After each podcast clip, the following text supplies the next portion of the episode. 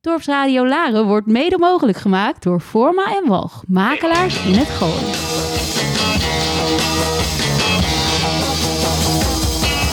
Oh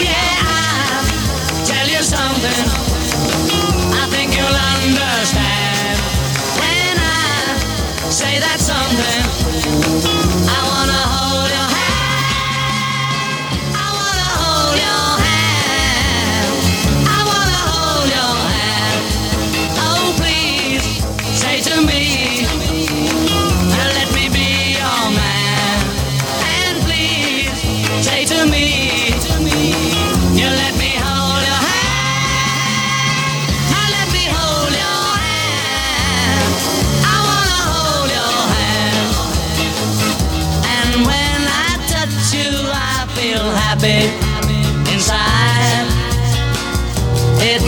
It's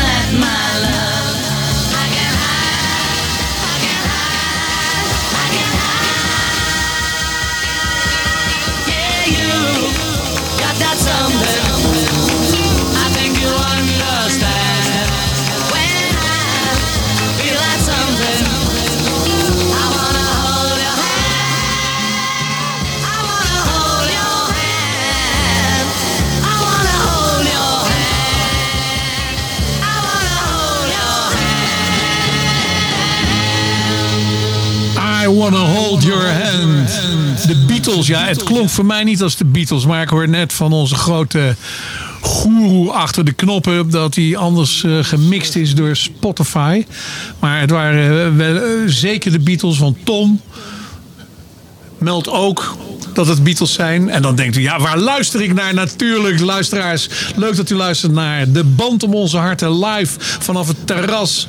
De Bijenkorf midden in Laren. En wie hebben wij vandaag als gast? Ja, ik dacht gasten. Ik denk, het komt hier vol met kerels van de Kiwanis. De organisatoren van Kunst op de Brink.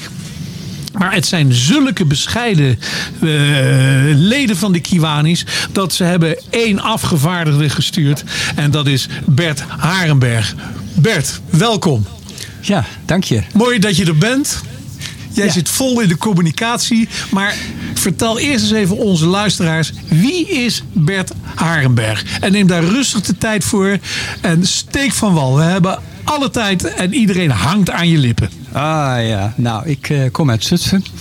Daar groeide ik op, achter de IJssel, zeggen ze hier. En wij zeiden altijd voor de IJssel. En eh, ik had een hele grote hang naar het westen toe. En dat was Amsterdam. Daar ben ik gaan studeren.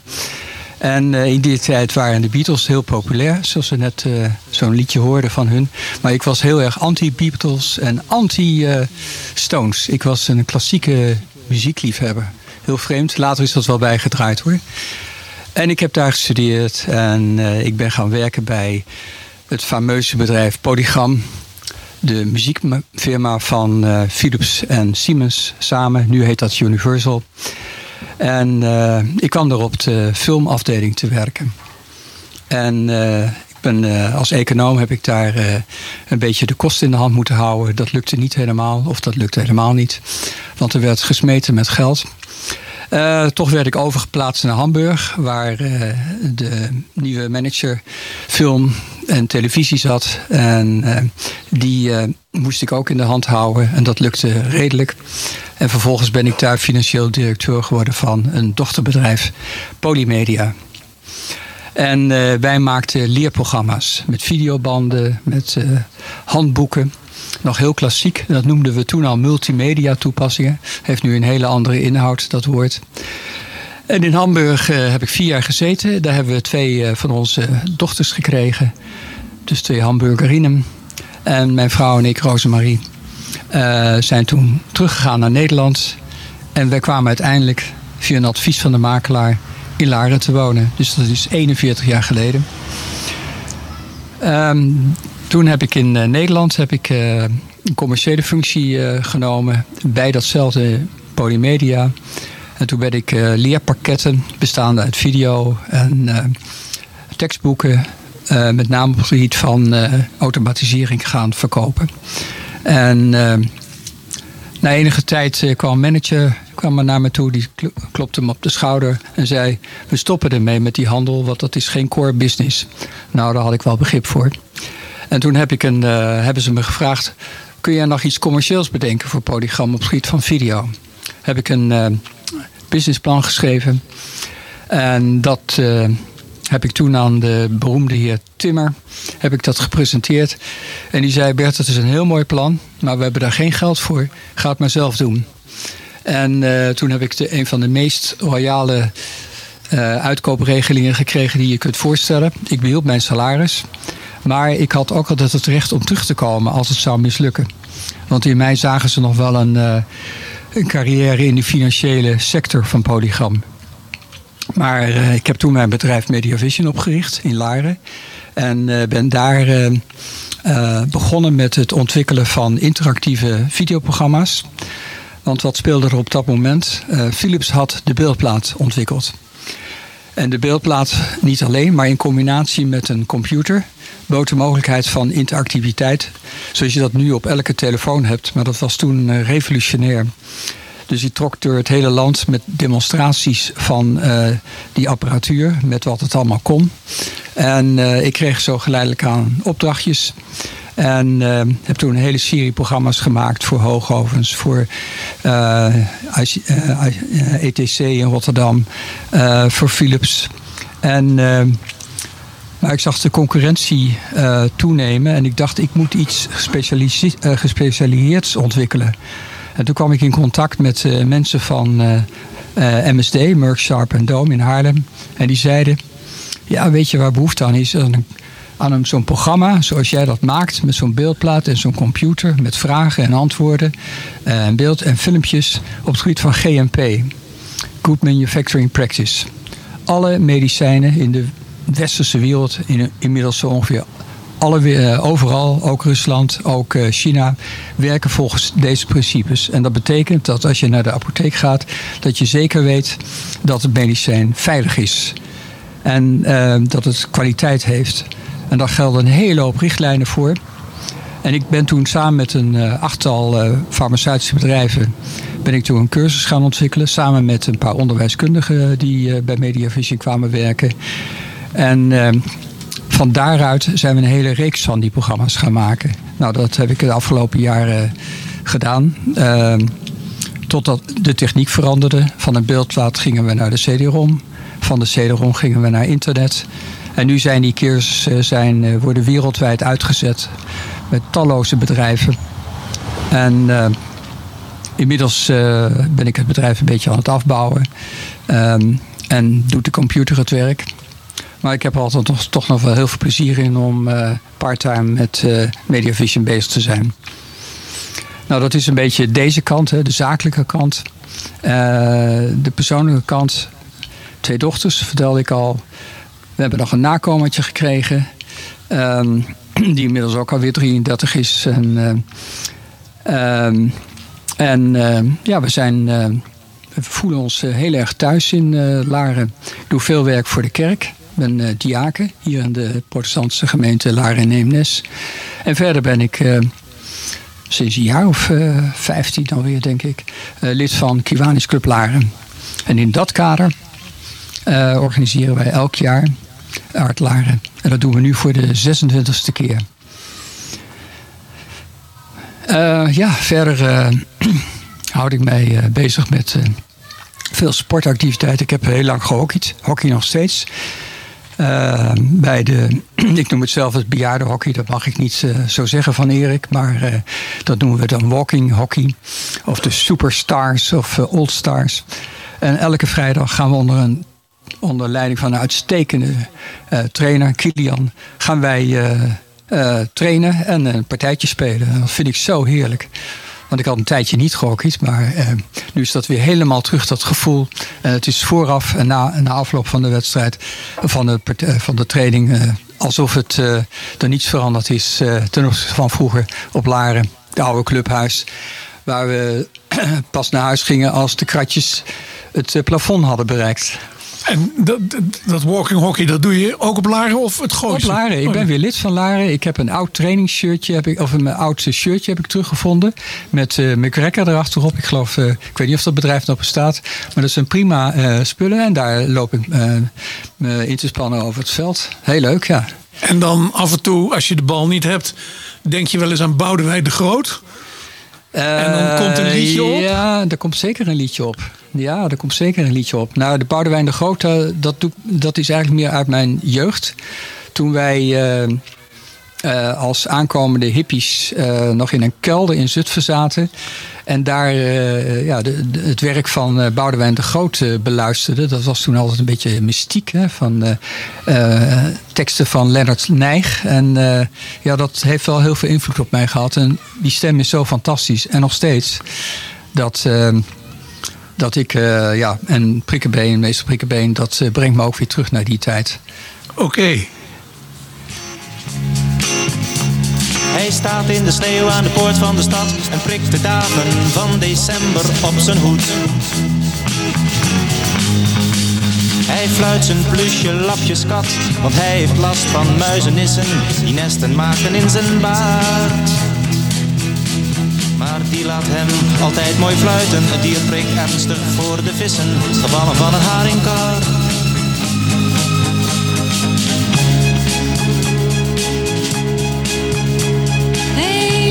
De dagen met zijn lied.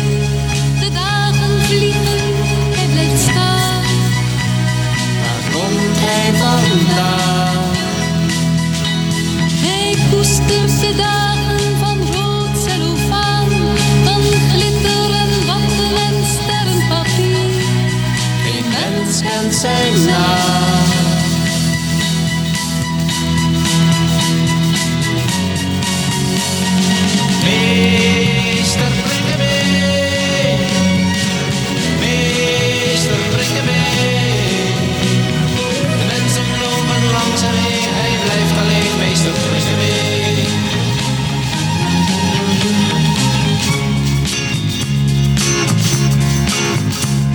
Lantaarnopstekers gaan stil door de nacht. Hij speelt zijn draailier voor een harige gezicht. Slaap gerust, sluimer zacht. Een paladijn met zijn soldaten blijft even luisteren naar hem. Toch blijft zijn schotel leeg, ze lachen. Alleen een meisje blijft staan praten, een mager meisje van plezier.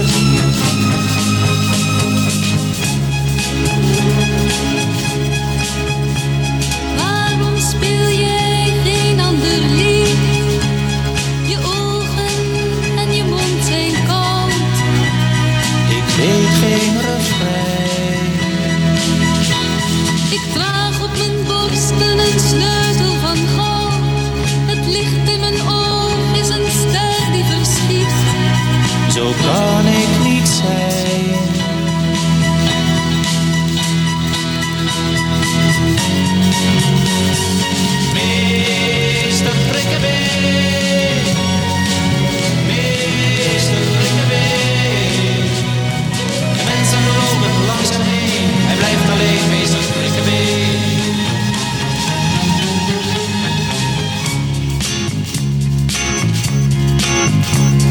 Ze danst in de sneeuw en ze speelt tamboerijn Terwijl de lapjes kat heel stil de passie preekt.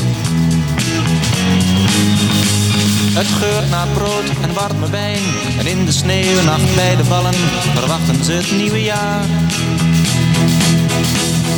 De laatste dag komt aangevlogen De laatste slagen zijn gevallen Een vuurpijl spuit de hemel in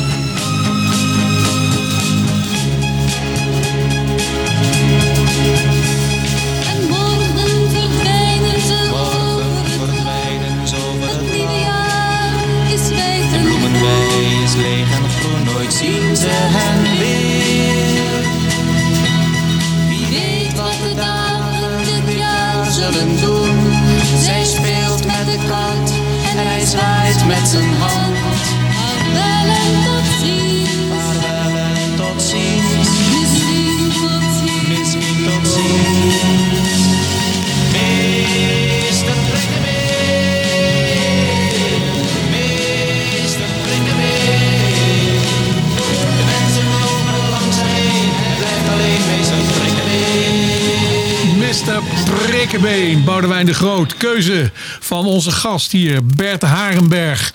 Hij is eh, belangrijk bij de Kiwanis, eh, die de kunst op de brink organiseren. Maar we hebben het eerst over eh, Bert zelf gehad. En als dan zo'n plaatje draait, dan zit je een beetje te praten. En dan zeg ik, goh, in Zutphen is geboren. En dan zeg ik, ging je dan wel eens met de GTW naar Arnhem? Ja, natuurlijk. Hoe weet jij dat nou? Nou, we hebben de band om onze harten gevonden. Want ik kom natuurlijk uit Arnhem. En... ja, jij ging er ook wandelen, hè? Dan bij de, ja, het is een prachtige omgeving Arnhem. Maar Zutphen trouwens ook, hoor. Heel mooi. De mooiste stad van de wereld.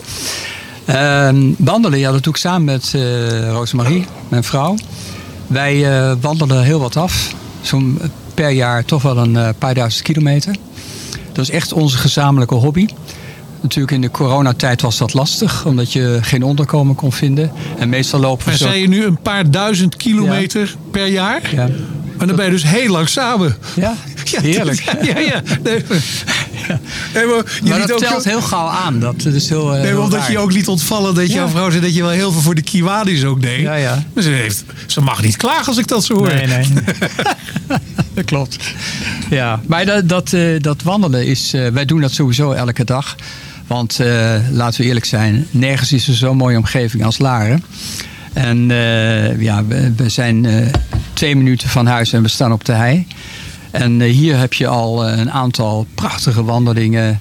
eh, die we dus elke keer weer opnieuw doen. En dan telt dat wel aan natuurlijk. Als je elke dag zo eh 10, 12 kilometer loopt. En daartussendoor lopen we dan die grote routes waar mooie beschrijvingen over zijn. We zijn ooit begonnen met het trekvogelpad. Die was van, dat is van, van eh, Bergen aan Zee naar Usselte. Ik had er nooit van gehoord, maar dat ligt bij eh, Enschede in de buurt. En eh, vond ik het zelf echt de mooiste wandeling. Het was ook de eerste die we zo liepen. Maar het blijft nog steeds de mooiste wandeling. Daarna hebben we het kustpad gelopen. Twee en drie voor de kenners. Dus dat is van Den Helder naar Sluis in eh eh, Zeeuws-Vlaanderen. Ook heel mooi. Mijn vrouw die loopt, die heeft nog het eh, Pieterpad gelopen. En eh, wij hebben nu net eh, het Liemenspad eh, afgelopen. Dat is dus eh, tussen Katwijk aan Zee en Nijmegen. En dat is lopen langs de voormalige grens van het Romeinse Rijk met het Germaanse gebied, om het zo maar te zeggen. Ook heel mooi. En eh, ook bij weer en wind blijft, blijft het spannend en mooi. En wat Nederland, Nederland is natuurlijk een soort decorland. Hè? Het, is, eigenlijk een filmland. Het is, ik kom zelf ook uit die film. En je loopt langs over paadjes met links en rechts bomen. En, eh, maar als je eh, een eh, luchtfoto maakt, of een, een Google-plaatje, dan schrik je je rot. Want je loopt vlak langs grote wijken of industriegebieden. Maar die paadjes zijn vaak zodanig dat je die gebieden amper ziet. Hooguit ruik je ze een beetje. Of je hoort een, een, een verkeersweg, een autobaan. En, eh, maar dat is zo kunstig in elkaar gezet. eh, die, die wegen die dus eh, helemaal uitgeschreven zijn. Dat is een, ja, ik vind het altijd weer een feest om die te mogen bewandelen. En je komt altijd weer op plekjes waarvan je denkt, is dit Nederland? Ja, dit is Nederland. En hoe is dat dan georganiseerd? Want dan loop je zo'n hele dag en dat doe je een paar dagen. Ga je dan op de Bonnefoy naar een herberg of naar een eh zes sterren hotel? Hoe heb je dat geregeld? Nou, beide. dus eh, soms dan eh, kom je bij een onderkomen van de vereniging Vrienden op de Fiets. Dat zijn dus particulieren die bieden hun een slaapkamer aan met een ontbijt voor, wat is het, 25 euro per persoon. En dat hangt een beetje van de route af. En of waar je eindigt, of daar onderkomen is. Want je wil niet nog weer heel ver eh, lopen om naar een eh, hotel of zo te gaan. Maar wat we steeds vaker doen is dat we van tevoren heel goed de route plannen. En eh, bij, via de OV-internetkanaal kijken welke bus er gaat. En ook dat is in Nederland fantastisch georganiseerd. Er zijn veel streekbussen. En eh, dan ga je dus eh, ga je proberen ergens te eindigen waar zo'n streekbus langskomt. En dan eh, loop je vanaf een bepaald punt. Eh, bijvoorbeeld het hotel waar je hebt geboekt. En dan, eh, nou, dan eindig je na ongeveer een kilometer of twintig. En dan ben je vlak in de buurt van de bushalte. En dan ga je met, met de bus weer terug naar je vertrekpunt. En de volgende dag ga je weer eerst met de bus naar je eindpunt van de vorige dag. En dan loop je weer verder. Alleen je er wel één dingetje waar je erg op moet letten. En dat is dat eh, het openbaar is, voer is eh, provinciaal geregeld. Dus als je bijvoorbeeld van Zeeland naar eh, Noord-Brabant loopt, wat we gedaan hebben bij, in de buurt van Bergen op Zoom, dan werkt dat systeem niet. En dan moet je hele ingewikkelde manoeuvres uitvoeren om toch weer op je plekje terug te komen waar je bent begonnen.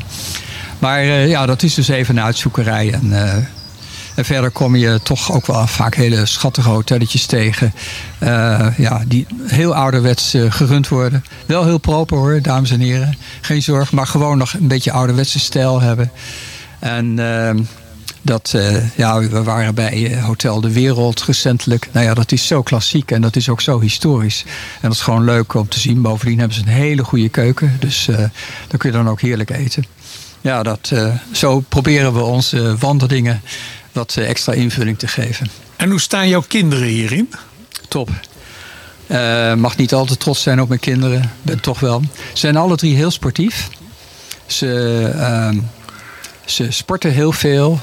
Mijn dochter, ehm, die in Zweden woont, die gaat zelfs bij, als het ijs eh, 20 centimeter dik is, op een nabijgelegen meer in een wak eh, even zwemmen. Diep in de winter. En, eh, maar zij loopt ook veel hard. Eh, mijn andere dochter die, eh, is eh, leraar lichamelijke opvoeding. Dus die heeft van huis uit al meegekregen dat ze veel sport. En mijn zoon eh, die is een hele fanatieke kitesurfer. Maar hij eh, is nu toch even overgestapt op het wielrennen. Dus hij gaat, eh, dit weekend gaat hij een tour van 300 kilometer fietsen. En ja, dat heb ik ze niet opgedragen. Dat doen ze uit zichzelf. Maar ze wandelen niet eh, met jullie mee. Nee, maar dat zal op een gegeven moment wel komen. Dat eh, zal me niks verrassen. Mijn dochter uit Zweden die wandelt regelmatig eh, in de Zweedse natuur met het gezin of met haar zoon die iets ouder is, die is eh 13. Eh, wandelt ze hele stukken van Zweedse natuurpaden. En daar, ja, dat is natuurlijk ook een hele mooie omgeving, een hele mooie wereld ook. Nu vertelde je in het begin dat eh, qua muziekkeuze je, eh, in je jeugd in Zutphen... dat je ook vooral klassiek gericht was. We gaan dan nu een stukje van Bach draaien.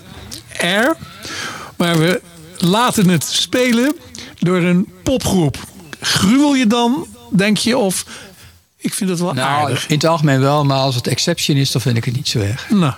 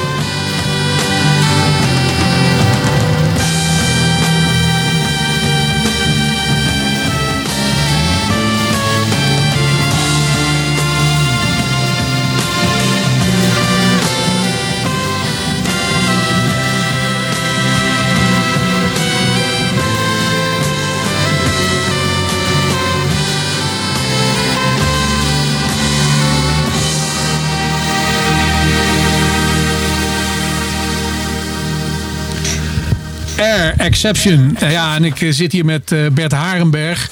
Hij zit hier eigenlijk in functie als... je bent secretaris van de Kiwanis.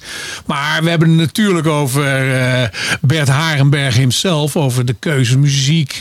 Nou, dit vond hij dan je wel aardig. Straks gaan we een plaat draaien van ABBA. Want daar heeft hij een enorme feeling mee. Toen zei ik, nou zullen we die nieuwe draaien? Vond hij, nou, leg het zelf maar uit. Over je ABBA feelings. Ja, ik hoorde het. Ik heb een paar keer geluisterd en ik vond het eh, arrangement niet zo sterk. En dat is nou precies eh, waarin ik de, eh, de liefhebber ben van de ABBA-muziek. Dat zijn de arrangementen. Dat is zo, zit zo ontzettend knap in elkaar. En ik beschouw mezelf helemaal niet als een muziekliefhebber. Maar ik heb, die opvatting heb ik al heel lang. Ik vroeg me altijd af, waarom vind ik dat nou zo bijzonder? En toen las ik twee jaar geleden een recensie van een Engelse journalist, muziekjournalist, die zei precies hetzelfde. Het zijn de arrangementen van ABBA die zo knap zijn. Tijdloos, ongelooflijk. En, eh, ja, en van die laatste heb ik dat gevoel wat minder. Ik zal er nog eens een keer eh, tien keer naar moeten luisteren. Misschien zie ik, hoor ik dan iets van... hé, hey, dat is toch wel heel leuk bedacht. Dan gaan we toch heel, heel voorzichtig naar de Kiwanis. Hoe lang ben je daar al lid van? Eh 15 jaar, dacht ik. 15 jaar. Wat zijn de Kiwanis? Leg, kan je dat de mensen uitleggen? Ja, het is hetzelfde als... eh, je hebt de Lions, je hebt de Rotary, je hebt de Old Fellows. Dat zijn eh, wat ze wel noemen serviceclubs. Wat zijn serviceclubs?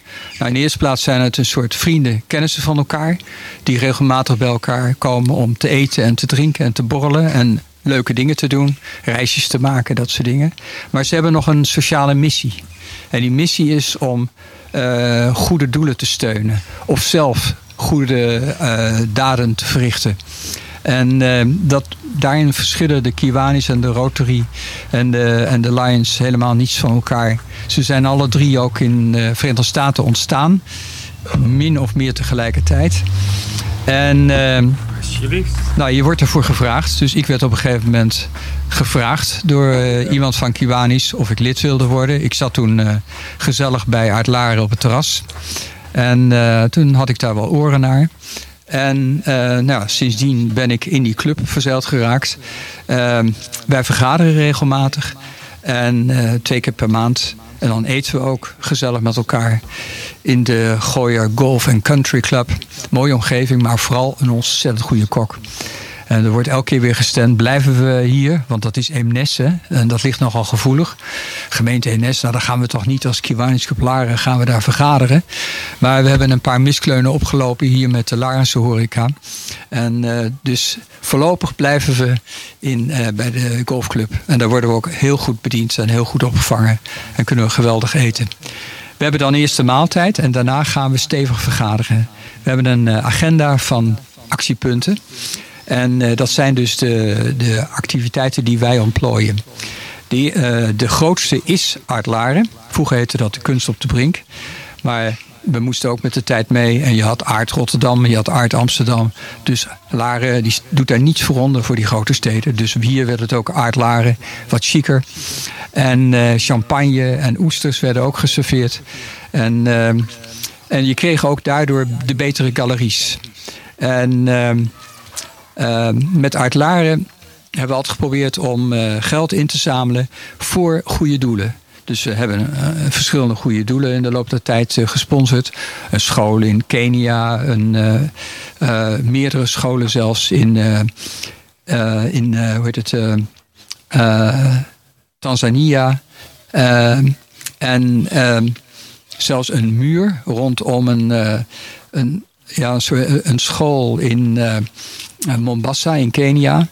Eh, zodat de, die, die kinderen werden nogal belaagd door buurtbewoners. En toen hebben we daar een muur eh, hebben we daar, eh, gefinancierd. Eh, hebben we ook de laatste steen gelegd. Dus dat was wel een heel leuk event.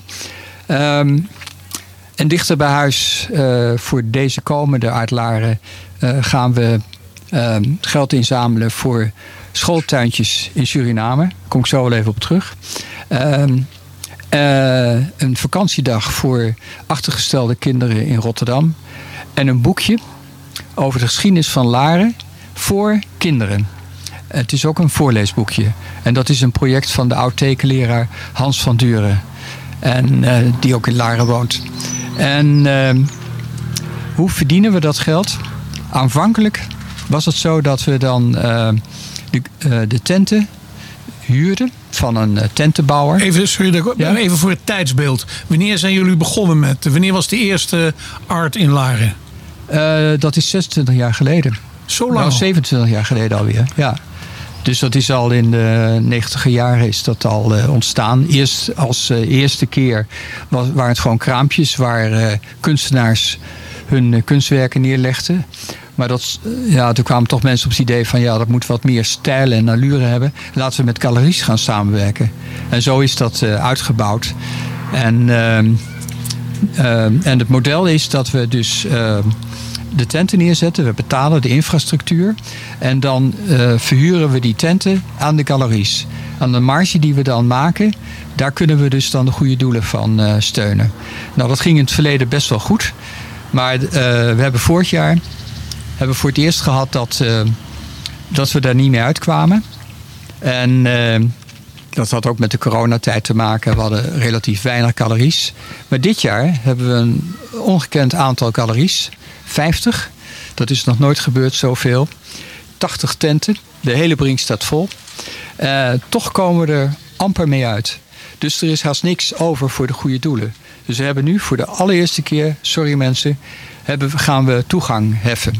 En eh, die toegang is 7,50 en dat is niet voor, voor, eh, voor uitgaven binnen Uitlaren, maar dat is 100% voor de goede doelen. Wat ik vertelde, die schooltuintjes, eh, die kinderen Rotterdam en dat boekje voor Laren. En ja, we, we willen daar ook meer mee benadrukken dat we Uitlaren organiseren voor het goede doel. En dat het, ja, het is natuurlijk een, eh, aan de ene kant een commerciële activiteit voor de galeries. En die vinden het prachtig om hier te komen. En eh, aan de andere kant, wij doen dat. Wij steken eh, heel veel energie erin eh, om Uitlaren tot een succes te maken. Maar we hopen ook dat, dat we dan nog wat geld aan overhouden voor de goede doelen. Nu is eh, dit programma, de band op onze harten, een en al vrolijkheid. Ja. En dat is niet be- be- be- elkaar vliegen afvangen en al die dingen meer. Maar nu je begint er zelf even over. eh, toen ik vertelde links en rechts dat ik de organisatoren van Kunst op de Brink ging ontvangen hier voor het radioprogramma. Toen begonnen ze allemaal erover. Nou, dan moet je maar eens even beginnen over die toegangs... eh, want het is A, nooit geweest. Nou, dat heb je nu uitgelegd. Maar ten tweede, het is gewoon niet te regelen. Met al die Q-codes en al die dingen meer. En de gemiddelde leeftijd van de laarder is toch redelijk bejaard en die daar rondlopen. En die komen dus niet vanwege de, die drempel die er opgewekt is op deze manier. Of zie ik dat, of zien die mensen dat verkeerd die mij gevraagd hebben om dit toch even aan jou te vragen? Je mag het vragen en eh, alle begrip daarvoor. Ik vond het zelf ook nogal lastig. Ik heb voor een aantal mensen heb ik een kaartje geregeld. Eh, je kunt gewoon naar uit Laren komen. En eh, als je uit Laren komt, dan hoef je niks te betalen. En dan kun je gewoon naar binnen. Ja, je, moet wel een, je krijgt wel een kaartje. Je moet dus aangeven waar je in Laren woont. Eh, gewoon even te verifiëren dat je niet uit een MNES komt. En eh, dan moet je wel betalen voor het goede doel.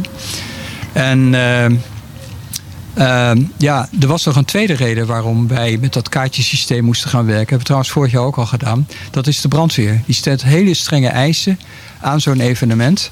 Dat de mensen niet allemaal tegelijkertijd mogen komen. Dat er een maximum is aan het aantal bezoekers per tijdslot. En dat dwingt je ertoe als organisatoren dat je in elk geval een soort van kaartjesysteem moet hebben. En eh, nou, we hebben dus nu voor het eerst eh, eh, vragen we dus een bijdrage, een contributie voor het goede doel. Dat is het. Je betaalt dus niet die 7,50 voor Uitlaren, eh, maar die betaal je voor het goede doel. En, Maar je, begrijpt, het is, het is niet uitnodigend wanneer je zegt, ja, je kan alleen maar op donderdagochtend. Of nou, nou, nu dan vrijdagochtend. En de rest zit vol. Of, of de- de- je bent heel erg gebonden aan, aan, aan, aan bepaalde tijdsindelingen op een ja, dag. nou dat is ons wat ons door de overheid wordt opgedragen. Wij, wij merken ook dat het steeds moeilijker wordt zo'n evenement eh, goedgekeurd te krijgen door de gemeente. We hebben gelukkig hele goede medewerking gehad aan de ambtenaren en eh, de eh, wethouder Peter Kalis, die dus nu gestopt is. Maar die heeft er wel voor gezorgd dat we uiteindelijk die vergunning kregen. Daar zijn we ook heel, heel dankbaar voor. Maar er zit een heel circuit van andere instellingen en organisaties omheen die ook allemaal ja moeten zeggen. En eh, dat hoor je van zoveel andere organisatoren. Dat de regelgeving in Nederland steeds verder toeneemt. En daar hebben wij als Uitlaren ook mee te maken. En eh, sorry mensen, maar kom gewoon naar Uitlaren. En eh, het zal nog wel meevallen met de drukte. Het wordt bloedheet weer, heb ik begrepen. En dat leidt meestal niet tot eh, hogere bezoekersaantallen bij Uitlaren. Juist eerder wat minder. En eh, ze zeggen wel eens, hè, de dames bloot, de handel dood. Ja, ja. En nou, eh, goed, je wie hebt- weet zal dat bij Uitlaren ook het geval zijn. Ik hoop het niet. Maar dus een hele goede horeca hebben we opgezet. En eh, althans, we hebben er veel energie in gestoken. Dan moeten jullie maar beoordelen of dat een goede horeca is. Ehm, en eh, ja, daar hopen we dan ook iets aan over te houden. Ja, maar het is Dus, eh, natuurlijk. Kijk, toen het de eerste keer was. was het leuke van daar op de brink. Je zei thuis: hé, hey, we gaan even naar de brink en loop daar gezellig rond. En die spontaniteit is dus heel voorzichtig weggeëpt. En is dat weer terug te krijgen? Nee. We zitten met, een, eh, we zitten met die galeries eh, zitten we op een heel ander spoor. Kijk, die galeries die komen hier om kunst te verkopen. Laten we maar eerlijk zijn, zo is het. En ehm, die willen eigenlijk alleen maar potentiële kunstkopers hebben. Ik werd net gebeld door een eh, dame van 86. Die komt morgen naar Laren. Die had ook problemen met die computer, met die kaartjes bestellen. Ik zeg, mevrouw, komt u rustig naar eh uit Laren. U komt erin. Ik zit toevallig achter de kassa. Dus ik zorg ervoor. Ja, zegt ze, want ik ga... eh, ik heb twee zoons en die hebben allebei een bul gehaald. En die krijgen allemaal een kunstwerk. En dat ga ik op Uitlaren ga ik dat selecteren, uitzoeken. Nou, dat zijn natuurlijk hele leuke telefoontjes. Maar dat geldt voor iedereen. Laat je niet, laat, laat je niet wegjagen vanuit Laren omdat er een toegang vereist is. Een toegang met een stempel of met een Q-code. Want dat is, eh, ja, dat is in een vrij land als Nederland de regelgeving. Waar al, eh, en daar vind- ontkomen ik we vind- niet meer aan. Ik vind dit niet meer zo vrij. Nee, dat ben ik met je eens, maar dat is het ook niet. Maar ik zeg ook al, Het is, een galerie- on- het is een onvrije regel, Bert. die galeriehouders, de- een aantal daarvan, die ergeren zich rot als er dus iemand met eh, een Albert Heijn of een Jumbo-tas over de, met de fiets aan de hand over Uitlaren loopt te slenteren. Want dan zegt zo'n galeriehouder, ja, ik sta hier voor een paar duizend euro, eh, sta ik hier mijn, eh, mijn handel te verkopen. En eh, daar komen dat soort mensen langs die, die toch niks kopen, alleen maar kijken. Nou, de, en met die maatregelen van eh, dus toegangscontrole wordt dat wat ingeperkt. Maar dat is dus in het belang van die galeriehouders ook. Het is in het belang van de veiligheid van het publiek. Dat er niet te veel mensen komen. En eh, het is in het belang van die galeriehouders dat, dat, dat er ook serieus naar die kunst gekeken wordt. Je hoeft niet ook niet te kopen. Je mag je best oriënteren. Daar gaat het ook verder niet om. Maar ehm, ja, andere tijden. Ja, 26 jaar ontwikkeling. En wie weet gaat het weer eh, een hele andere kant op eh, volgend jaar. Dat eh, zijn- zullen we wel weer zien. het zijn zelfs andere tijden in de arrangementen van ABBA. Maar gelukkig hebben we hier nog muziek. Dat jij de arrangementen top vindt. En dat je weer heel vrolijk wordt en bent. En dan valt er een doodstilte. Must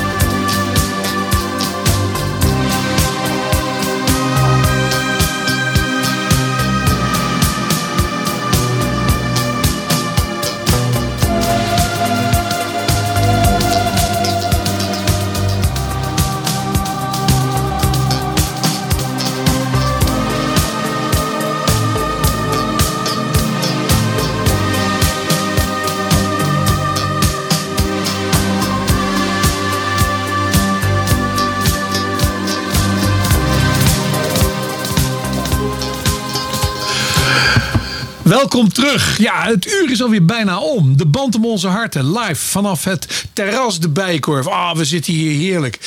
Ton die heeft het eh, zonnescherm opgezet. Zodat eh, ook eh, Bert, mijn gast, Harenberg, die wordt al een klein beetje kaal.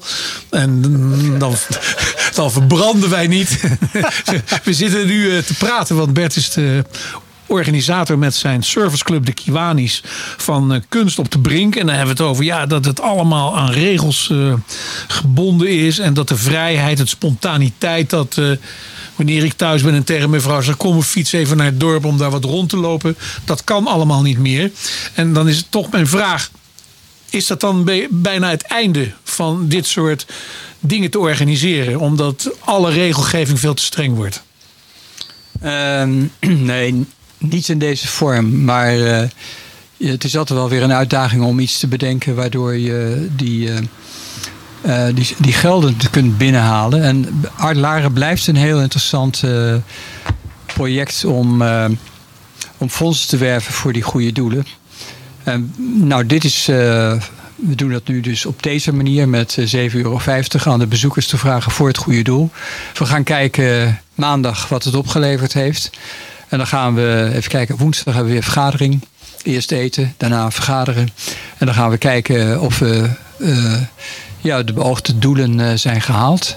En eh, zo niet, ja, dan zullen we even achter ons oren krabben. En dan zullen we weer iets nieuws moeten bedenken. Zo werkt het al eh, 26 jaar. En dat is eigenlijk ook wel heel erg leuk. Je past je formule steeds weer een beetje aan. aan ja, aan de mogelijkheden. En ook met of zonder regelgeving. Je moet er ook niet al te zwaar aan tillen aan die regelgeving. Maar ik merk wel dat binnen onze club sommige mensen eh, daar een beetje ja, angstig voor zijn. En eh, ik zit wat anders erin. Ehm, ik maak eh, video's over regelgeving en dan, sta je er een beetje boven. En dan eh, zeg je ja, je moet het ook met, eh, met een glimlach moet je die regels eh, interpreteren.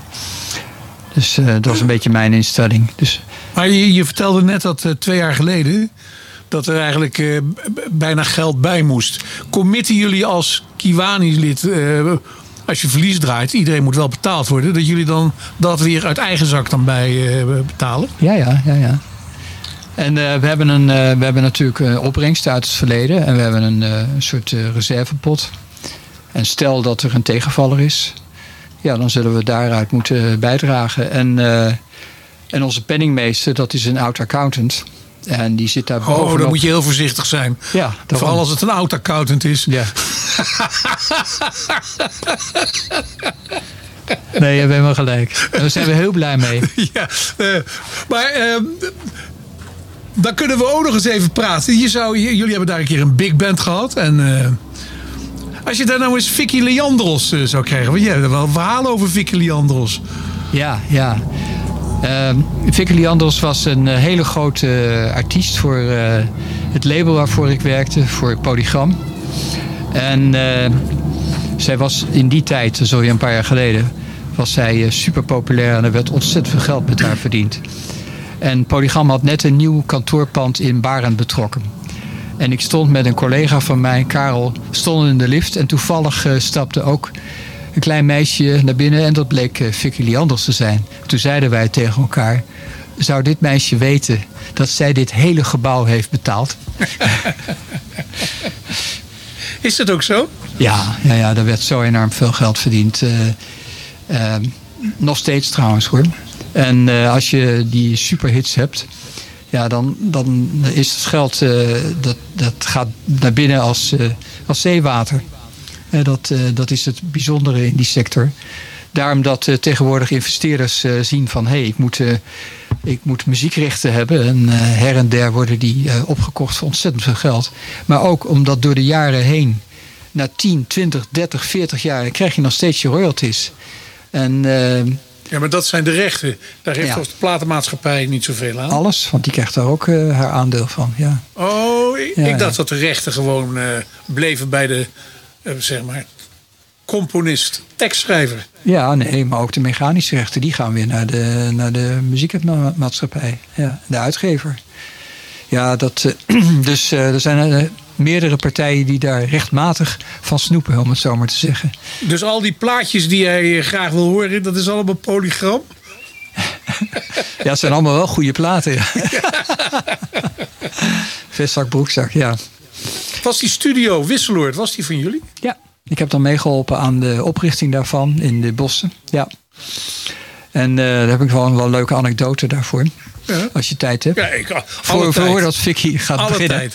Eh, dit, nou, ik eh, werkte toen met mijn eigen bedrijf Mediavision. Ehm werkte ik daar vaak in de studio, Studio 4.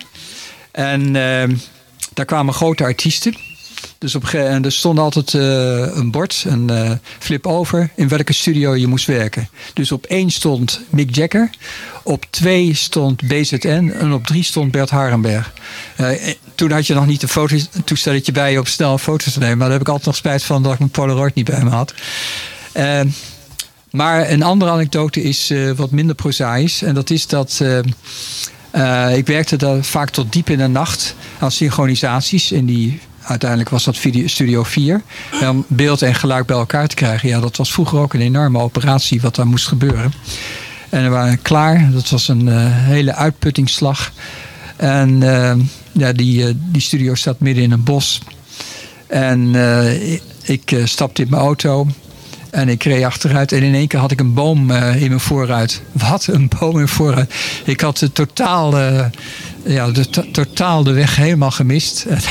ik heb eerst die boom eruit uit de auto getrokken en ben toen eh, zonder voorruit ben ik eh, naar huis gereden. En dat, maar Wisseloord is een, eh, nu inmiddels een keurig bedrijventerrein met, met kantoren.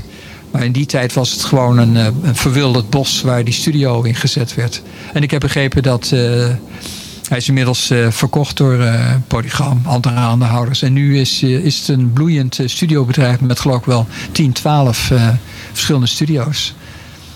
En een uitstekend restaurant. Want dat werkt al. Vicky Leandros heeft daar ook gestaan, hè? Om, om Ja, ja, ja, ja die heeft, heeft daar gestaan, heeft de opnames gemaakt. Demis Roezels, nou ja, die Stones kwamen daar de hele tijd. En dan vertelde de studiobaas dat, eh, dat ze weer een rekening van eh, Hotel Jan de Bak kregen. Dan hadden ze daar weer de kamers verbouwd, de heren. En Heel de- goed. De beruchte Def Leppard, eh, dat was zo'n rockband, die, eh, die reed naar huis en, of naar zijn hotel toe. En die slipte met de auto en die is zijn arm daar verloren. En die zei ongeluk- toen, après toi. nou, ik denk dat hij wel een, een vloek gebruikt in het Engels. maar après toi, dat is Vicky. Zoals we haar hebben leren kennen. Saluto.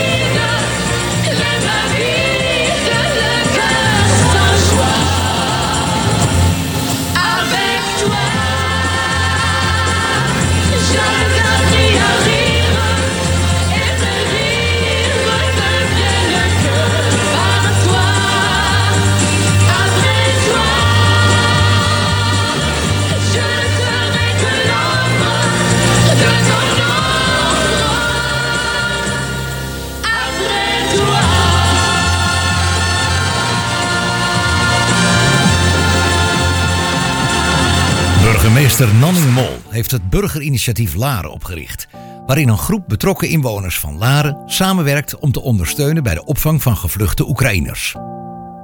In nauw overleg wordt gewerkt met de crisisbeheersing van de belcombinatie. De helpende hand van vrijwilligers zal meer dan welkom zijn om aanvaardbare omstandigheden te creëren. Bijvoorbeeld met het wegwijsmaken in het dorp, helpen als tolk, organiseren van sportactiviteiten, vermaken en begeleiden van kinderen, buddy zijn voor een gezin of het bieden van een luisterend oor. Suggesties zijn natuurlijk van harte welkom. Hierbij doen we een beroep op u. Om u als vrijwilliger aan te melden bij vluchtelingen.laren.nl. Daarbij kunt u vermelden wat u denkt voor de Oekraïners te kunnen betekenen. Kijk ook op de Facebookpagina www.facebook.com Laren. Dental Art. Uw tandartspraktijk voor algemene tandheelkunde, facings, cosmetische tandheelkunde, tandvleesbehandelingen en alles wat bijdraagt aan je gezonde, gelukkige lach. Zoals ons vernieuwde pakket op het gebied van leefstijltandheelkunde. Meer willen weten? Bezoek onze website www.dental-art.nl. Welkom, making happy, healthy smiles. Hou je van tennis, sportiviteit en gezelligheid? Kom dan tennissen bij het Laar, idyllisch gelegen achter het Hertenkamp. Op deze locatie hebben wij zes prachtige gravelbanen, een minibaan voor de kleintjes en een mooi zonnig terras met clubhuis. We werken met ervaren trainers en organiseren veel leuke evenementen en toernooien. Ga voor meer informatie naar www.hetlaar.nl. Tot op de baan! Dorpsradio Laren, nieuws en weer. Dit is Tanja Reinders met het Radio Nieuws. Donny M., die verdacht wordt van ontvoering en moord van het 9-jarige jongetje Gino, wordt nu ook aangeklaagd voor het bezit van kinderporno, meldt Omroep 1 Limburg. Justitie zal later vandaag met een toelichting komen. Het voorarrest van M wordt met 90 dagen verlengd. Donny M. zit vast nadat hij op 4 juni werd opgepakt in zijn huis in Geleen. Hij toonde de politie de plek van het lichaam van Gino. In 2017 werd hij ook al veroordeeld voor een zedendelict, waarna vijf maanden jeugddetentie volgde. Drie verdachten in de leeftijd van 18 tot 24 jaar zijn aangehouden vanwege het bedreigen van burgemeester Halsema van Amsterdam. Zij besloot om geen huldiging toe te staan in de stad bij het kampioenschap van Ajax vanwege een tekort aan beveiligers. Ook een minderjarige jongen uit Culemborg moest zich melden bij de politie. Hij schreef een excuusbrief aan de burgemeester. Ajax pakte de titel op 11 mei tegen Herenveen en er was alsnog een geïmproviseerde huldiging buiten het stadion. De rechtbank Gelderland kampt momenteel met een dusdanig tekort aan rechters dat het Openbaar Ministerie zo'n 1500 zaken niet voor de politierechten brengt. Deze drastische maatregel is nodig om achterstanden bij strafzaken in te lopen en rechters meer complexe zaken te laten behandelen. Zaken die anderhalf jaar op de plank liggen of kleinere strafzaken als een diefstal gaan niet meer door of worden geseponeerd. Volgens het OM is een maatregel als deze bij andere rechtbanken nog niet aan de orde. Reiskoepel ANVR is woedend op Schiphol nu de luchthaven meldt dat het deze zomer veel vluchten gaat schrappen. Schiphol wil hiermee de drukte beheersbaar houden, maar nu is het onduidelijk of vakanties van honderdduizenden Nederlanders wel door kunnen gaan. De schade van annuleringen, gemiste boekingen en faillissementen van reisorganisaties gaan we verhalen op Schiphol, zegt de ANVR. Zij noemen het onacceptabel dat reizigers niet op vakantie kunnen door personeelsproblemen van de luchthaven. En dan het weer. Zomers warm met 20 graden op de Wadden en 26 graden in het zuiden bij een zwakke tot matige veranderlijke wind. In het noordoosten nog wat sluierbewolking, maar het blijft overal droog. En tot zover het radionieuws. Dit is Dorpsradio Laren. Held Plus. De vitamine speciaalzaak in het Gooi. De winkel waar met aandacht, tijd en vakkennis gewerkt wordt aan een gedegen advies voor u. Op maat. Een speciaalzaak met een zeer uitgebreid assortiment aan vitamine, mineralen, kruiden, sportvoeding en natuurlijke huidverzorging. U bent van harte welkom bij Held Plus op de Naarderstraat 13 te Laren. Kijk voor meer informatie op heldpluslaren.nl. Neem eens de tijd voor uzelf. Dat kan veel betekenen voor uw gezondheid. Op zoek naar nieuwe klanten? De snelste weg is uw commercial op Dorpsradio. Vandaag besteld, morgen op de radio. Kijk op dorpsradio.nl voor onze aantrekkelijke aanbiedingen.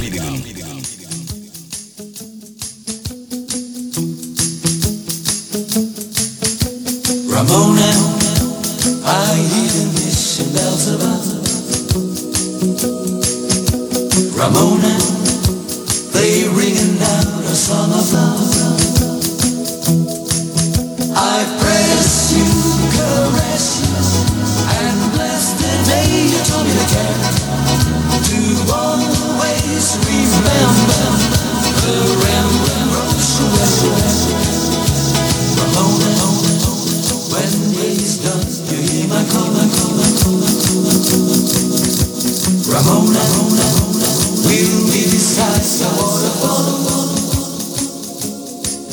I'll dream.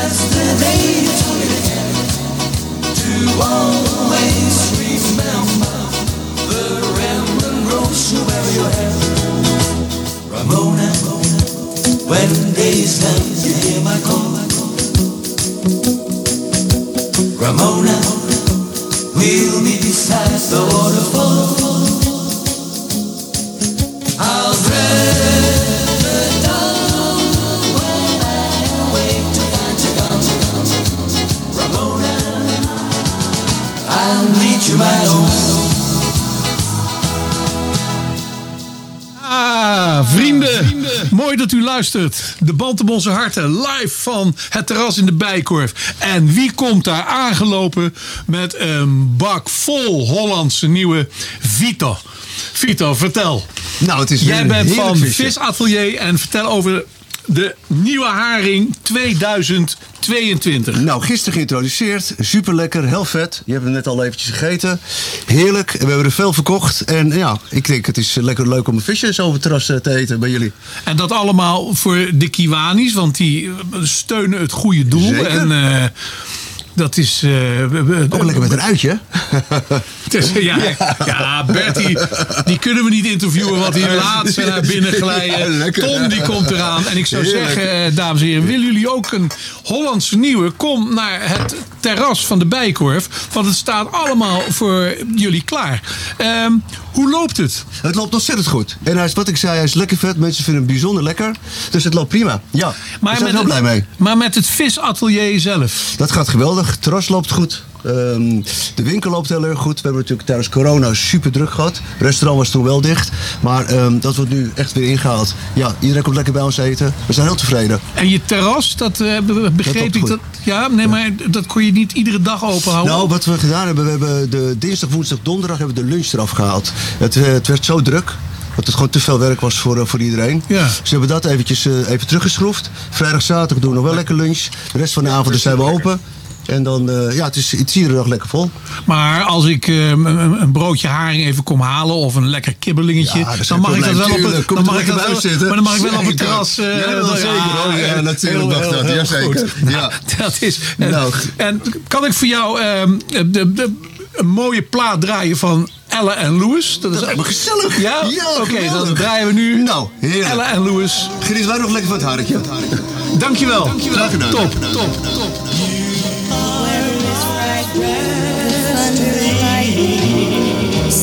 Be But as far as I'm concerned, it's a lovely day.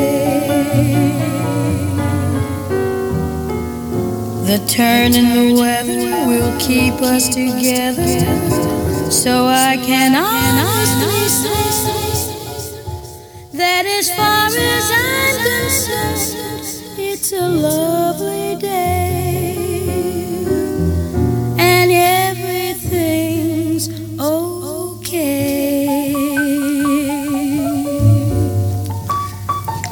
Yes, isn't this a lovely day to be caught in the rain?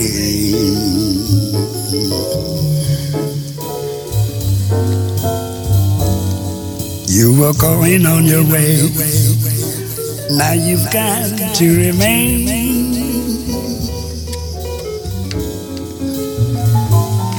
Yes, just as you walk away, leaving me all at sea. The clouds broke, they broke, and oh, what a break for me, babe. Now I can see the sun up high. They were caught in the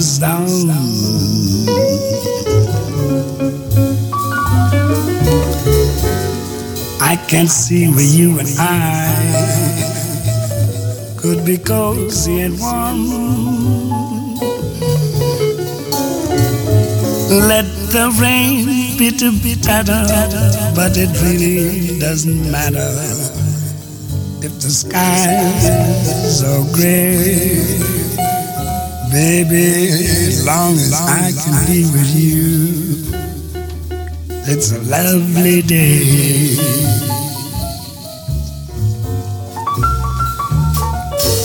Isn't this a lovely day to be caught in the rain? You were going on your way, now you've got to remember.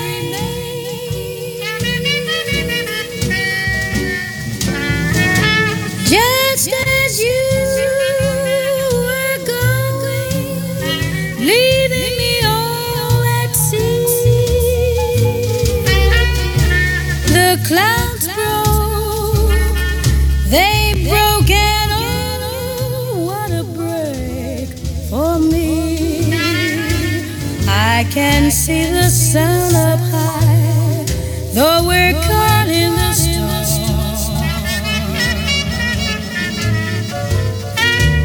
I can't see where you and I could be cozy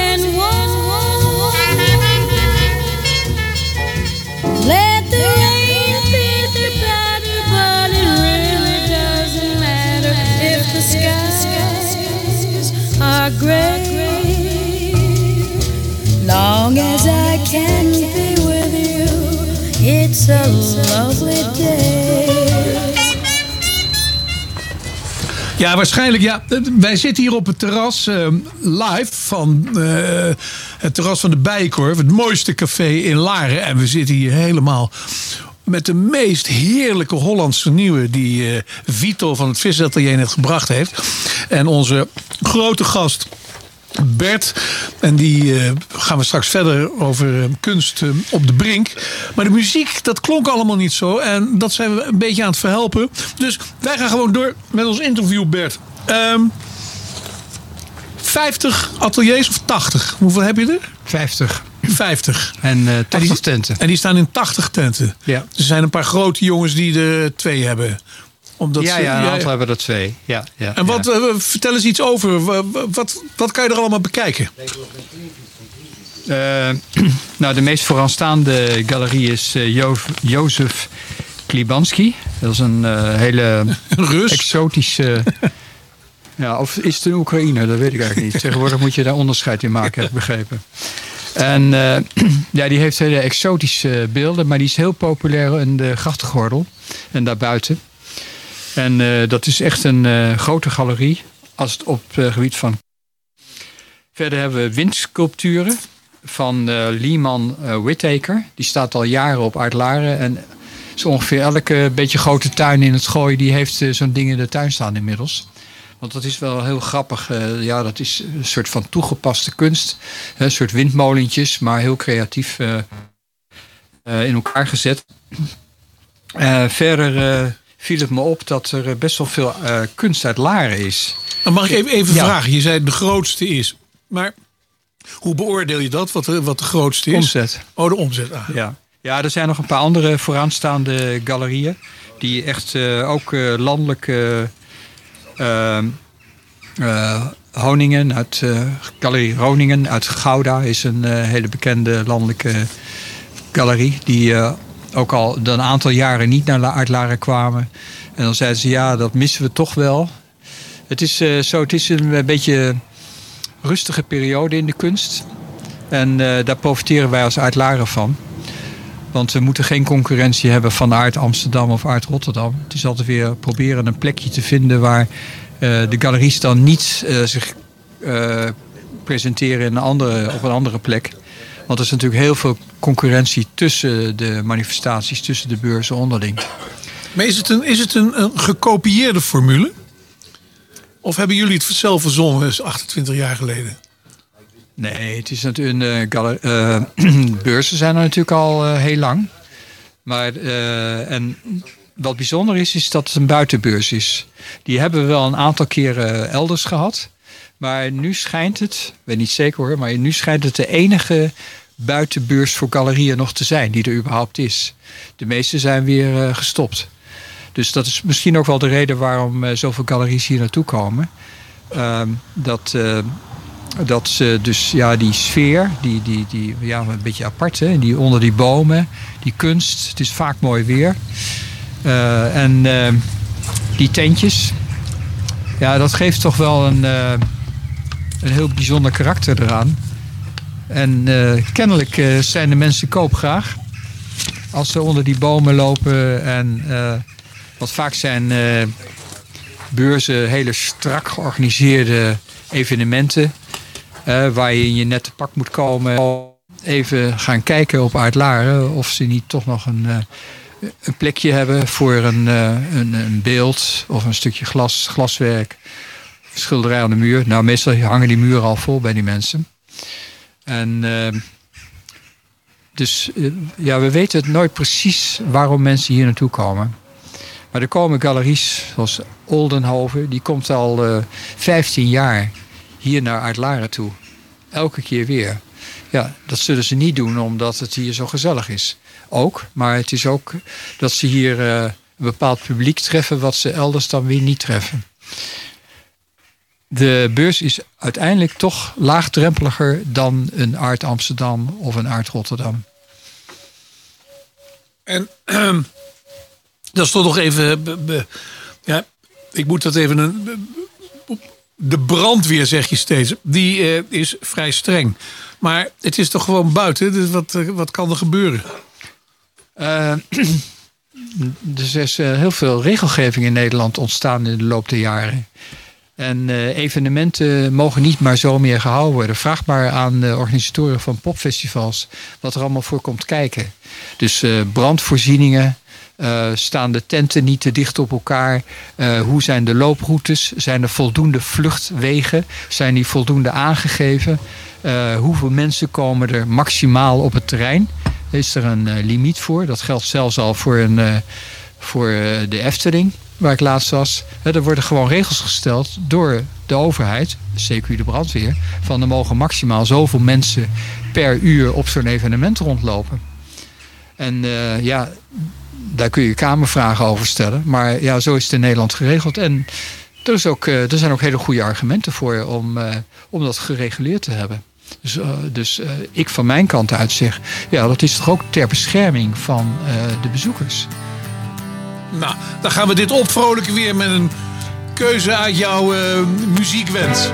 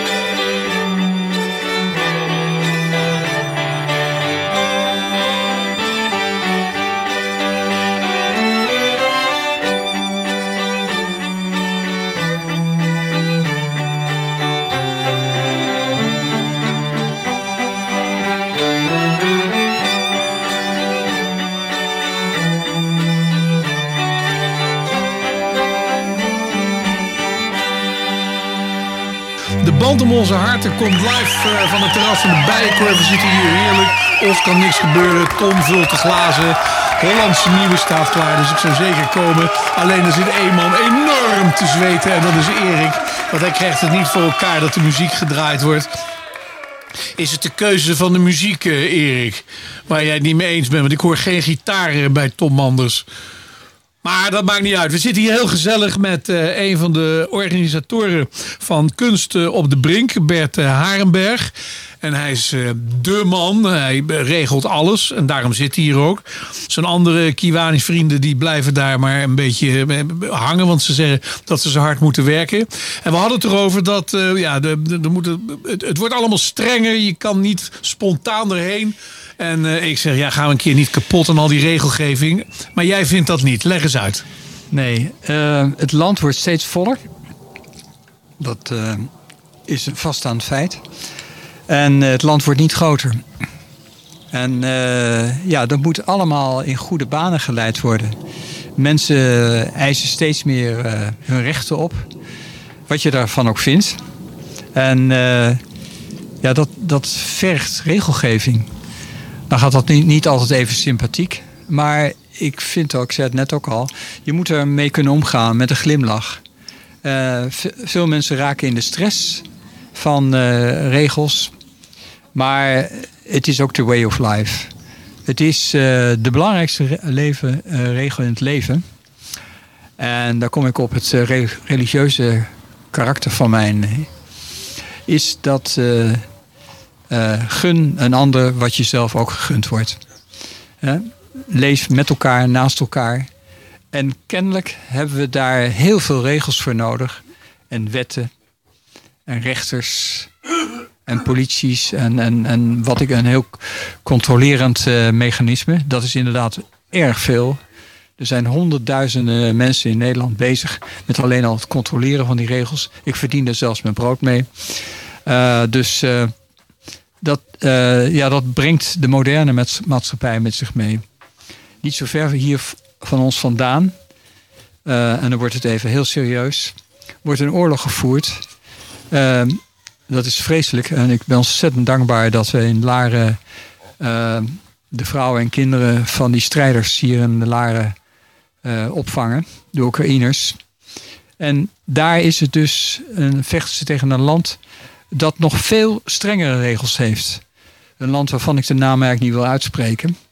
En eh, dus met die regelgeving in Nederland valt het nog alleszins mee.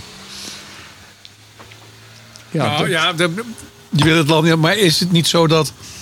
Kijk, die regelgeving die heb je daar wel. En als je hier de regels overtreedt, dan krijg je een waarschuwend vingertje. Maar daar word je afgeschoten. Dat is het, grote, dat is het enige verschil. Nou, als dat het enige verschil is, dat wil je zelf ook niet. Dus eh, ik vind dat, eh, ja, ik, mijn opvatting is, jij wil niet dat het jou overkomt, dan eh, wil je ook niet dat een ander het overkomt. Dus zo, eh, zo staat dat eh, in mijn, eh, in mijn diep in mijn genen. Dat heb Ja. ik ook van mijn ouders meegekregen. Gunnen anders een vrijheid.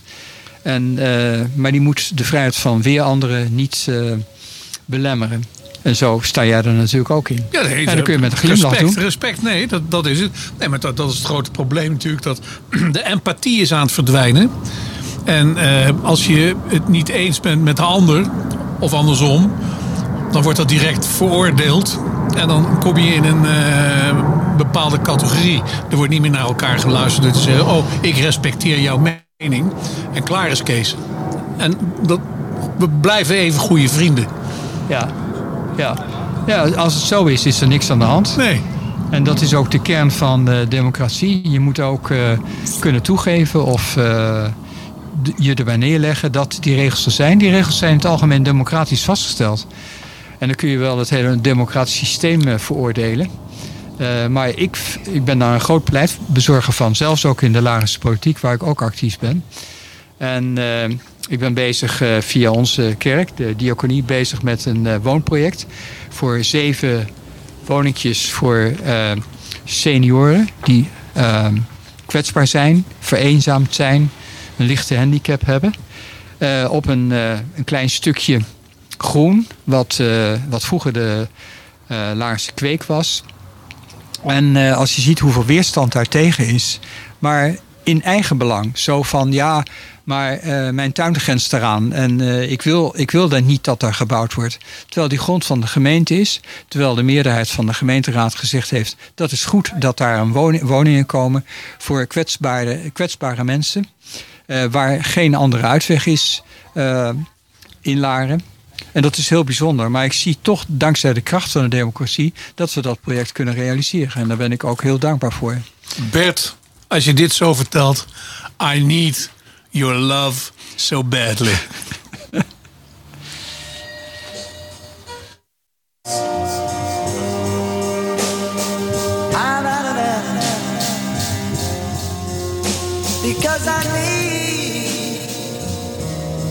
your love so bad. I need some lips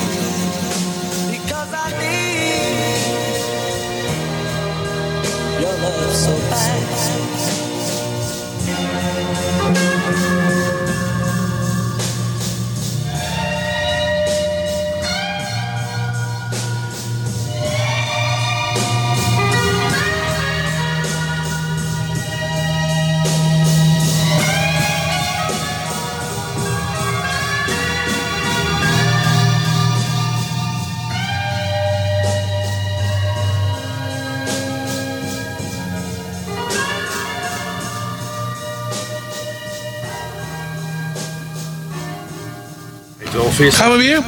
Ja, we gaan weer. Luisteraars, mooi dat u luistert naar de Band om onze harten. Live vanaf het terras de Bijkorf. Het is eh, weer feest hier. Hollandse nieuwe neergezet door eh, Vito van het Visatelier. Een gestreste, een gestreste Erik Huring. Hij, krijgt het maar niet voor elkaar om de muziek achter elkaar. Maar in de podcast komt dat alweer goed. Maar het belangrijkste is natuurlijk onze gast Bert Harenberg. De grote organisator met zijn vrienden van de Kiwanis. Een serviceclub zoals de Rotary, de Lions. En zo heb je er nog meer. Je was het eh, vergeten te zeggen, de Round Table. Maar die zijn voor jou te jong waarschijnlijk. Hè? Want dan moet je uit als je de 40 bent. Dat zijn nog broekjes die veel moeten leren. Maar, eh, Bert, ten eerste ongelooflijk mooi. Goed dat je hier bent.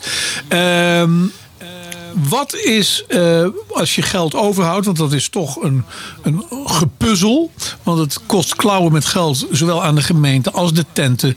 En eh, daarom heb je ook toegangskaartjes moeten eh, regelen. Buiten het feit dat de brandweer dat graag wil. Wat zijn de doelen die jij met je club nastreeft? Het zijn er drie.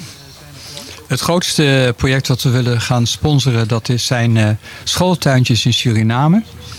Dat is een initiatief van eh, Joyce Sylvester, de oud-burgemeester van Naarden. Zij is eh, recentelijk benoemd tot dijkgraaf van ons gebied. Dus zij is een hele belangrijke vrouw. Maar ik heb sowieso persoonlijk ontzettend veel bewondering voor haar. Waar zij vandaan komt en ongelooflijk eh, indrukwekkend. En we hebben elkaar, haar, ook op de club mogen ontmoeten. En eh, zij eh, is in contact gekomen met de stichting DONS. En dat is een stichting, een Surinaamse stichting... die probeert de duurzaamheid in Suriname te bevorderen. En onder meer is, zij bezig met, is die stichting bezig met, eh, met schooltuintjes eh, in te richten in Suriname. En waarom is dat?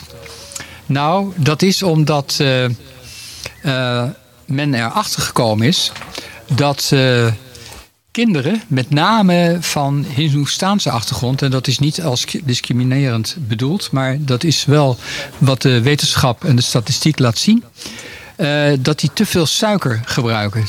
Te, te lekker eten zou je als zeggen. En die kinderen moeten, krijgen ook niet anders dan veel zoetigheid. Maar we weten wat de gevolgen zijn. De gevolgen zijn dat ze later heel snel diabetes krijgen, suikerziekte. En dat, dat wens je niemand toe. En ehm, daarom is die stichting van Joyce Sylvester is toen ehm, in actie gekomen om g- de kinderen gezonder eten aan te bieden. Dat ze zelf eh, opkweken in hun schooltuintjes. Nou, dat vinden we een prachtig project. Want Kiwanis, in afwijking van de Rotary en eh, de Lions, wij en, en de Round Table, sorry, vergat ik even. En de Zo Optimisten van de dameskant, hè, ook een hele belangrijke club. Ehm, maar de Kiwanis richten zich altijd op kinderprojecten. Nou, Dat is natuurlijk ook een mark- marketing dingetje. Maar dat maakt voor ons de keuze wat makkelijker. Dus we krijgen heel veel aanvragen voor van alles en nog wat. Maar zitten er kinderen bij? Helpen we kwetsbare kinderen? Nee, dan gaat het niet door. Maar als wel kinderprojecten zijn, zoals die schooltuintjes, ja, dan staan we open. Dan willen we er wel wat aan doen.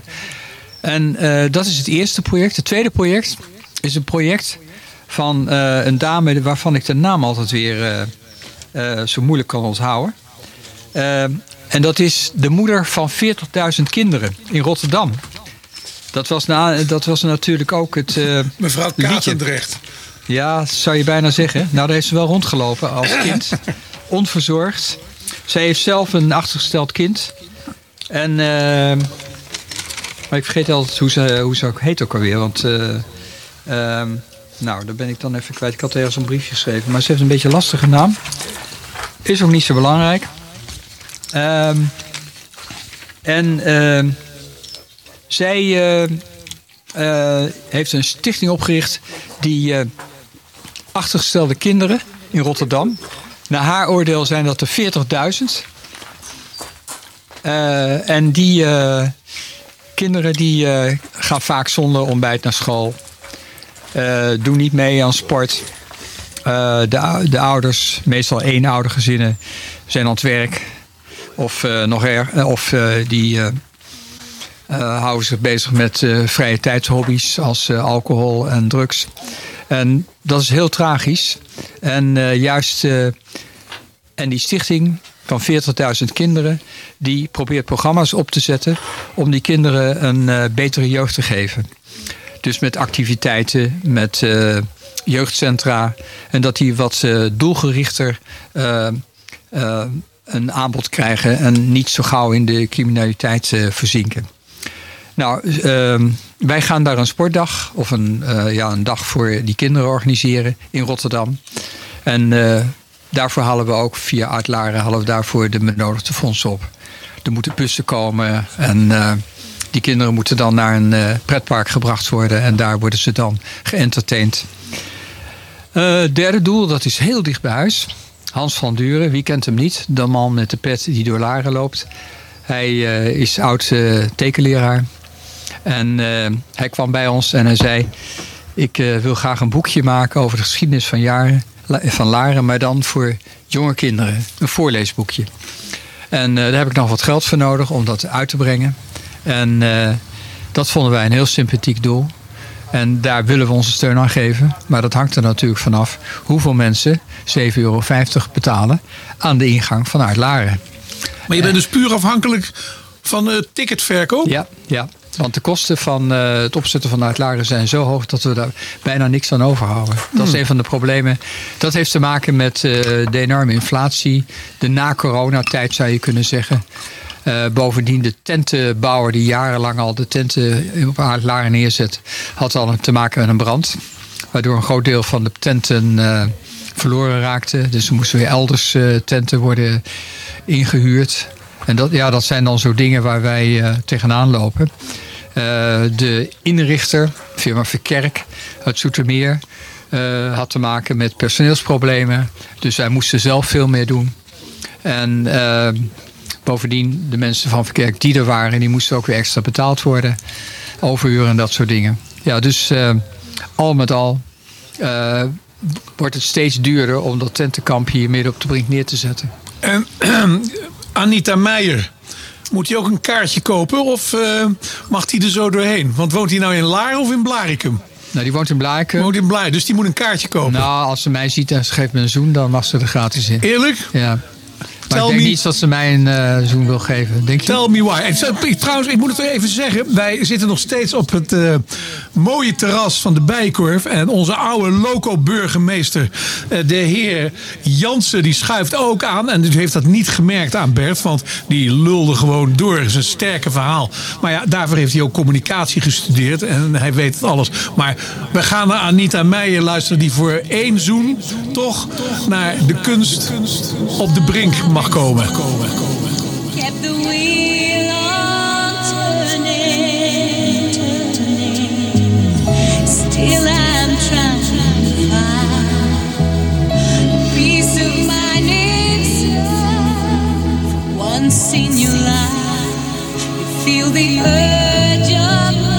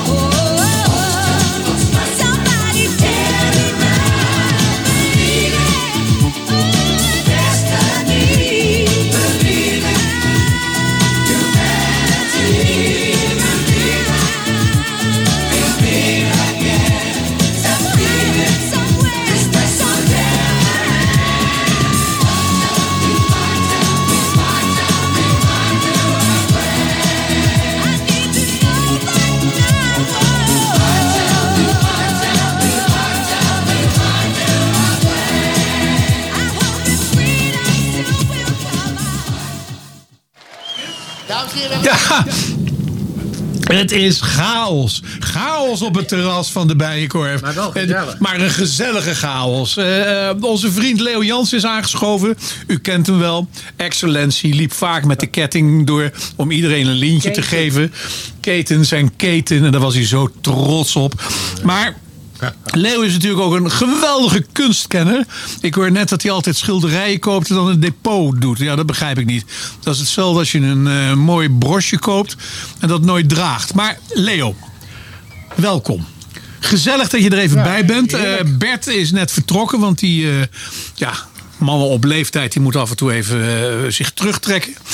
Maar jij doet heel veel voor kunst op de brink. Nou, Of wou je het daar niet over nee, hebben? Ik, ik vind kunst gewoon heel erg belangrijk. Ja. En eh, omdat het je een, eh, een verschillende kijk geeft op de dingen. En jezelf tot gedachten brengt en zo. Dat vind ik altijd wel heel spannend. En kunst op de brink is natuurlijk de enige eh, kunstbeurs in de open lucht van Nederland. Dus dat is wel bijzonder. En ik ben natuurlijk vanochtend even heel stiekem ben ik nou tussen die tenten ge- geslopen.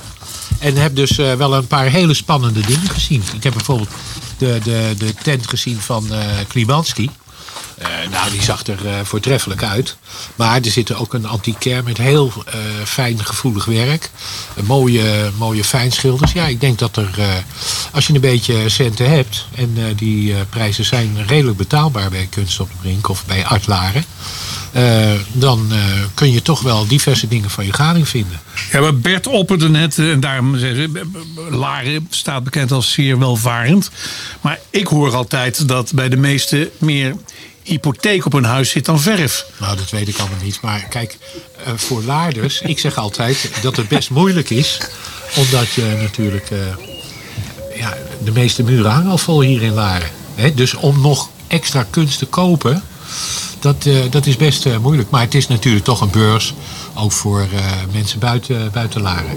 Dus in die zin vind ik het wel verstandig dat ze in ieder geval laarders toegang geven tot eh, kunst op het brink. En dat die geen geld hoeven te betalen. Want het is natuurlijk, hoe je het went of keert, het is een openbare plek, hè, de brink. Dus eh, ik ben bang.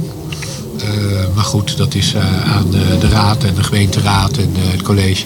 Dat er hier geen precedentwerking van uitgaat. Dus dat er andere mensen komen die zeggen van nou, ik ga voor een goed doel. Ga ik eens eventjes een gitaarfestival organiseren. Entree 27,50. En het gaat naar een goed doel, snap je? Mag ik even inbreken? Graag. Eh, maar Leo, je weet ook dat wij als organisatie eh, ze- 4000 euro moeten betalen aan de gemeente Laren. Voor eigenlijk niets.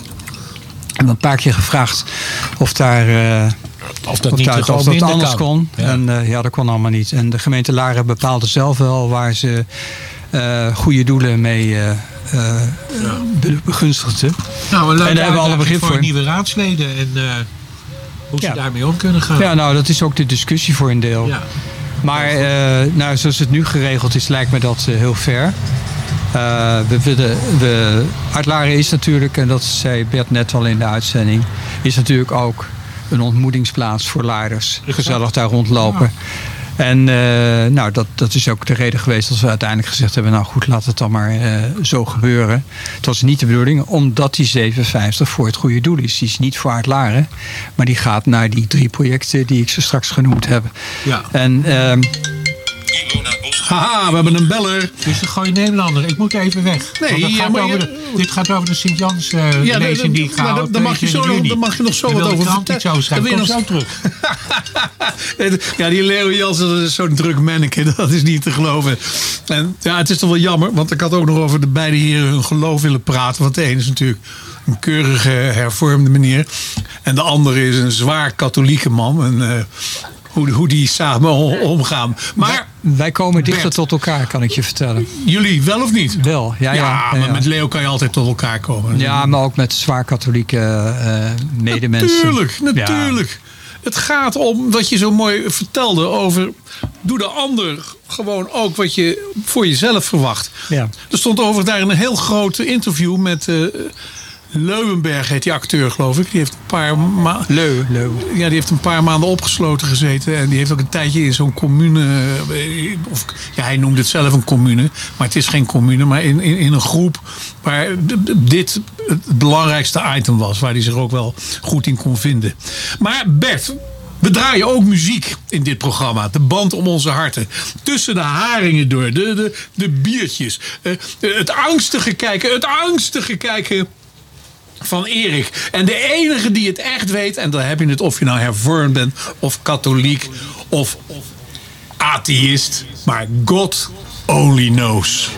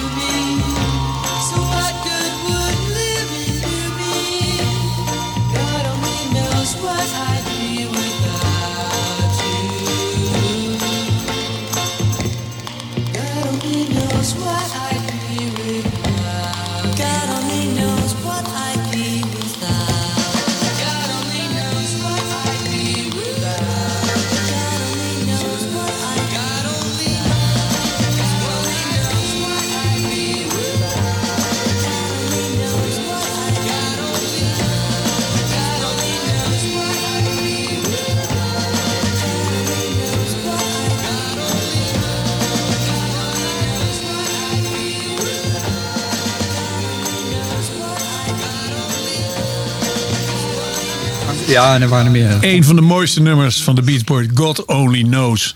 Ja, eh, we zitten alweer aan het einde van deze uitzending. Bert, vond je het ook zo snel gaan of niet? Nee, viel wel mee. Ik Oh. vond dat het tempo heel rustig en eh, beschaafd was. Dat eh, spreekt mij heel erg aan. Ja, nou, dankjewel. Of was dat geen compliment voor de, voor de presentator? Ja, die doet het goed. Die doet het goed. Die mag blijven. Nee, dank je, dank je. Nee, ehm, ik vond het top dat je hier was. Ik vind het jammer dat er niet meer Kiwanis waren. Dat neemt niet weg, daarom hebben wij veel Hollandse nieuwe kunnen nemen. Ehm, jij wilde toch nog even nog. eh, sluit het maar af over kunst eh, op, de, op de brink. Hoe je het allemaal nog wilt gaan zien. En Ja. Met alle voor en tegen. Nou, uit Laren is een bezoek waard. Voor de Laarders is het dus kosteloos. Ga naar uit Laren en eh, bewijs dat je in Laren woont. Dat is wel het enige bewijs. En eh, wat we nodig hebben. En dan eh, zie je dat er best wel heel veel Larense kunstenaars acte de présence geven. De Stichting Kunst in Laren, de Kunstenaarsvereniging Laren Blarikum, Gooise Academie voor Beelden en Kunsten. Allemaal zijn ze present. En ehm, Zijn dat de, zijn- ja, ik ga je af en toe Ja, even nee, dat onderbreken. doen. Zijn dat degenen die bij elkaar zitten of hebben die allemaal ook allemaal een eigen, een eigen atelier. een Al- eigen atelier? Ja, ja.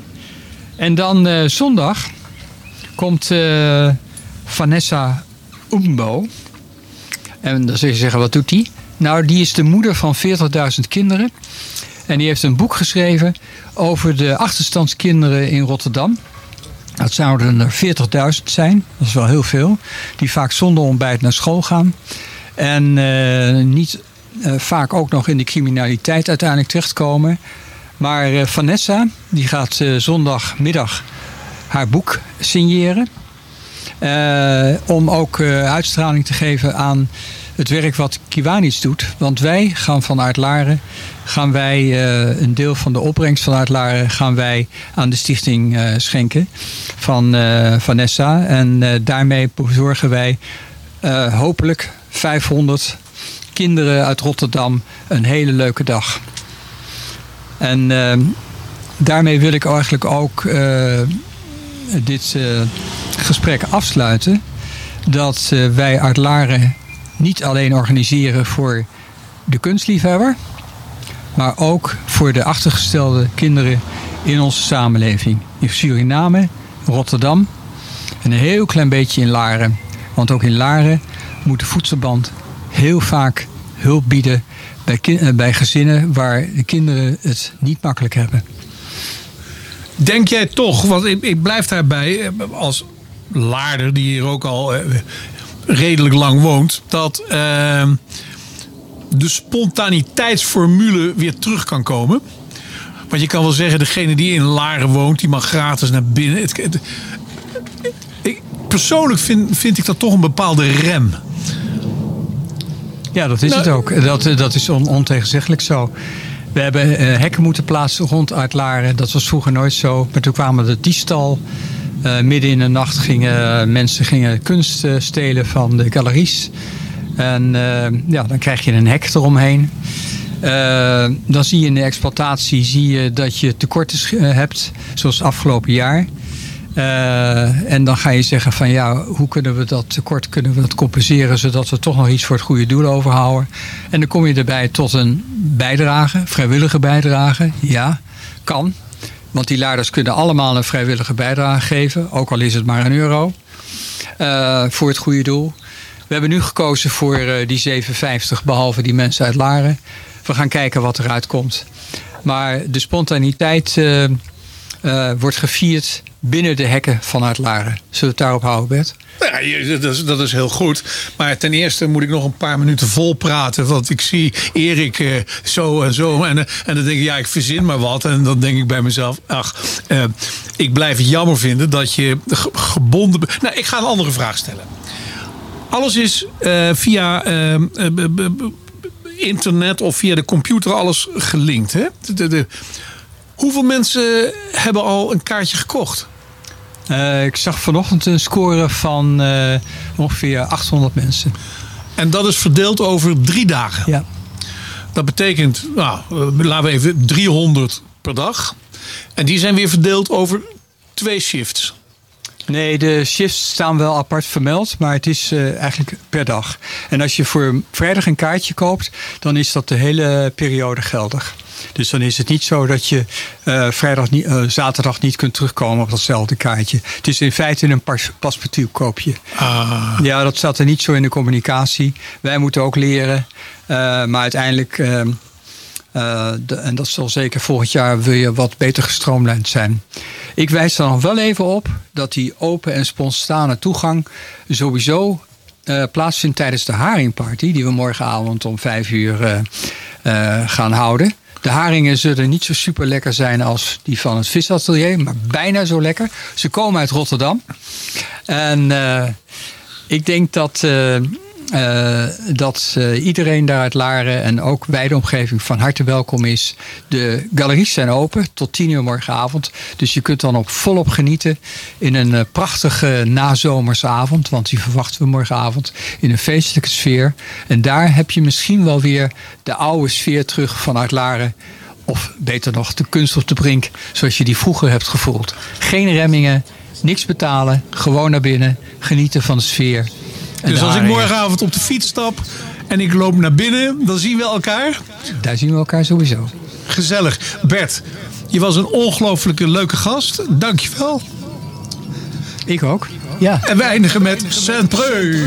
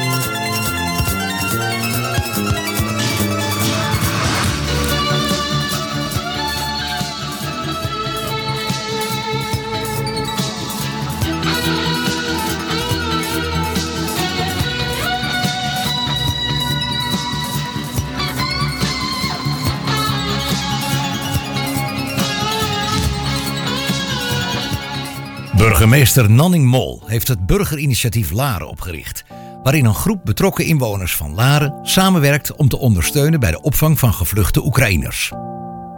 In nauw overleg wordt gewerkt met de crisisbeheersing van de belcombinatie.